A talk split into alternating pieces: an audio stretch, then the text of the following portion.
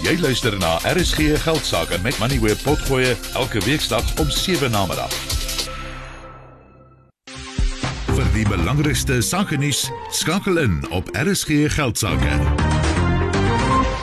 Ons program is vroeër vanmiddag vir die parlementsopeningsrede wat vir 7 uur geskeduleer is en met die fokus op wat president Cyril Ramaphosa oor so 2 uur gaan sê, het ek twee gaste vanaand wat dalk so 'n bietjie van hulle kennis en ondervinding met ons gaan deel as 'n vooruitskouing. Die president se openingsrede is tradisioneel geleentheid vir hom om sy visie vir die volgende jaar en dalk verder openbaar te maak. Verlede jaar het meneer Ramaphosa gesê Eskom is op koers om teen Desember 2022, dis nou Desember wat verby is, ontbondel te wees. Tweedens het hy gesê Daar gaan plek gemaak word vir vennootskappe in vervoerterminale by die Durbanse hawe. Dit sou Oktober verlede jaar klaar wees. En dan wat 'n mens nie moet vergeet nie is daar is ook 'n algemene verkiesing volgende jaar. My twee gaste vanaand is professor Amanda Gous, 'n politieke wetenskaplike en die Gopina hoofekonoom van die Buro vir Ekonomiese Navorsing beide van die Universiteit van Stellenbosch. Goeienaand julle en welkom.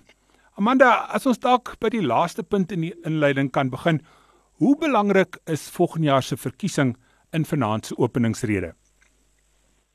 Goeienaand. Um, ek dink dit is 'n baie belangrike um staatsrede want as die president nie vanaand 'n uh, versekering gee aan die burgers dat daar iets aan die beerdkrag gedoen kan word aan Eskom se probleme aan die impak wat dit het op die ekonomie en veral op klein besighede dan ehm um, gaan dit definitief 'n impak hê op die steun wat die ANC in die volgende verkiesing gaan kry.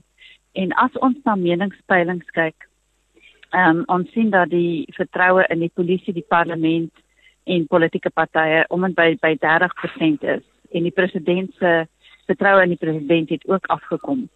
Nou wat dit eintlik opdui is 'n legitimiteitskrisis wat die regering ondervind. Want legitimiteit beteken uh dat uh, die burgers aanvaar die regering van die dag en hulle hulle ehm um, het is tevrede daarmee.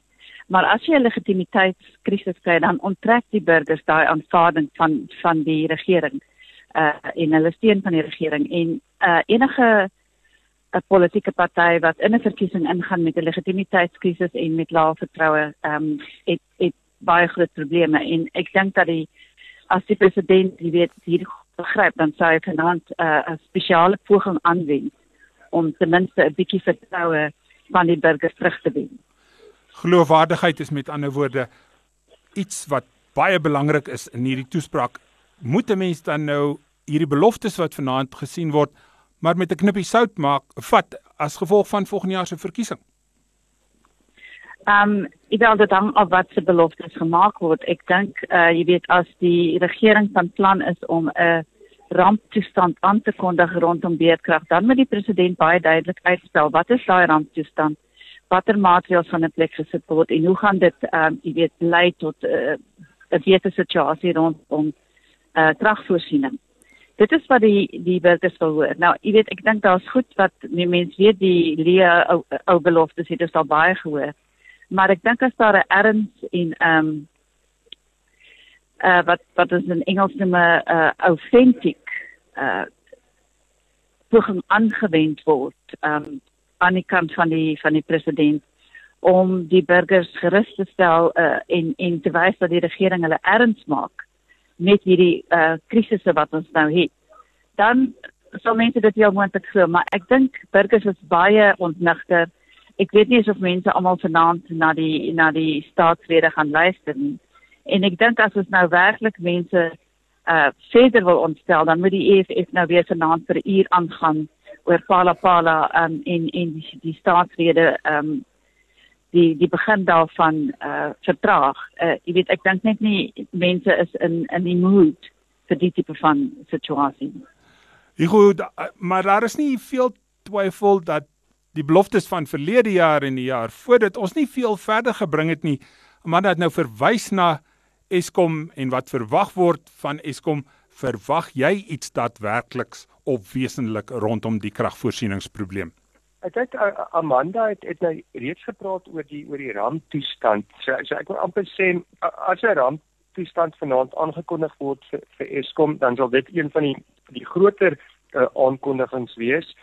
Ek dink 'n ander een is 'n uh, diesel. Um, ons het nou weer vroeër in die week van Andre de Ruyter gehoor toe hy voor die parlement getuig het dat hy weer die punt gemaak dat een van die uh, ek wil amper sê mees eenvoudige maniere om oor die kort termyn uh, die velheid van beedkrag te versag is om meer geld vir Eskom vir, vir diesel aankope te gee. So miskien hoor ons iets daaroor uh, vanaand, maar soos gewoonlik, um, as daar geld betrokke by is, dan gaan die besonder, gaan die president waarskynlik vir ons sê dat die besonderhede daaroor sal ons um, voor moet wag in die hoofbegroting oor bietjie meer uh, as 'n week.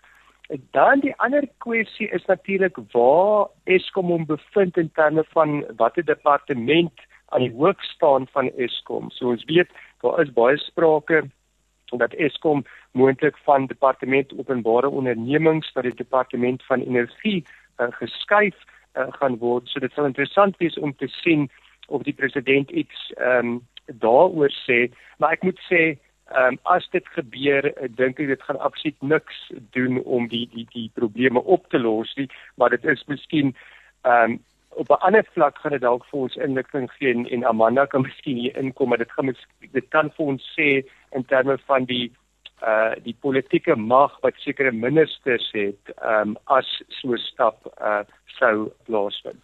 Ek weet as ons nou praat van uh die skuif na die minister van energie sake wat op hierdie stadium minister Gwedimantashe is, dan um dink ek so voorspel dit niks goed nie want ons weet hy is gefokus op die gebruik van steenkool en hy is uh, eintlik baie daar's baie obstruksies in die pad van groen energie en en ook die ehm um, toetrede van die private sektor.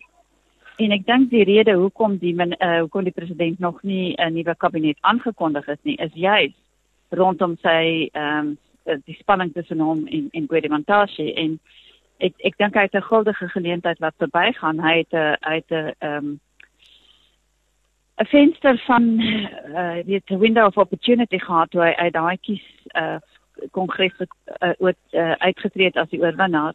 Toe moes hy 'n nuwe kabinet aangekondig het. Nou hoe meer tyd verloop, hoe moeiliker raak dit en jy weet ek, ek ons het verwag hy gaan dit voor die staatslede doen en dit is nog nie gedoen nie. Amara, wat sal jy graag in hierdie openingstoespraak wil sien? Wat wat sal wat sal jou bietjie paai as 'n 'n kenner in op die politieke gebied? Ja, wel ek sou regtig wou sien konkrete uh, idees oor oor wat uh, rondom Eskom en en die en die beedkrag en wat die hoe die regering dink hierdie uh, probleem opgelos gaan word want ek weet dit het 'n geweldige impak um, op op uh, die ekonomie en veral uh, klein ondernemings en ek sou ek sou verwag dat dat hy aankondig een of ander ondersteuning vir, vir klein besighede want mense is besig om werk te verloor en hulle is besig om basies hulle lewenslyn te verloor. Jy weet elke klein besigheid wat toemaak beteken daar is is meer uh monde wat gaan honger ly. Um, en ons is, ons uh, kyk nou in elk geval reeds na um 'n uh, kwessie rondom voedselsekuriteit as gevolg van beedkrag. So dit daar's 'n hele knock-on effek uh in in baie van die sektore en jy weet ek ek hoop dat die president iets ten minste sal sê wat wat 'n mens laat glo dat die regering een of ander plan het. En jy goed stem jy saam, is daar iets anders wat jy graag sal wil sien? Ja, dit, dit alles wat Amanda nou gesê het, sou sou so my eerste punte ook gewees het. So miskien dat ek dit nou nie herhaal nie. Ek dink 'n ander baie belangrike aspek gaan oor plaaslike regerings. Ehm um, en die die verskillende probleme wat ons daar het. So dit sal ek dink dit sal baie positief wees of ek dink dit is baie nodig dat die president uh stappe aankondig om die om die lewering van dienste te verbeter op plaaslike vlak deur byvoorbeeld vir ons te sê en dan moet dit natuurlik uitgevoer word dat meer bekwame mense byvoorbeeld by munisipaliteite aangestel gaan word um in landelike gebiede dat daar meer op infrastruktuur gefokus word dat ons landelike paaie byvoorbeeld kan kan kan verbeter.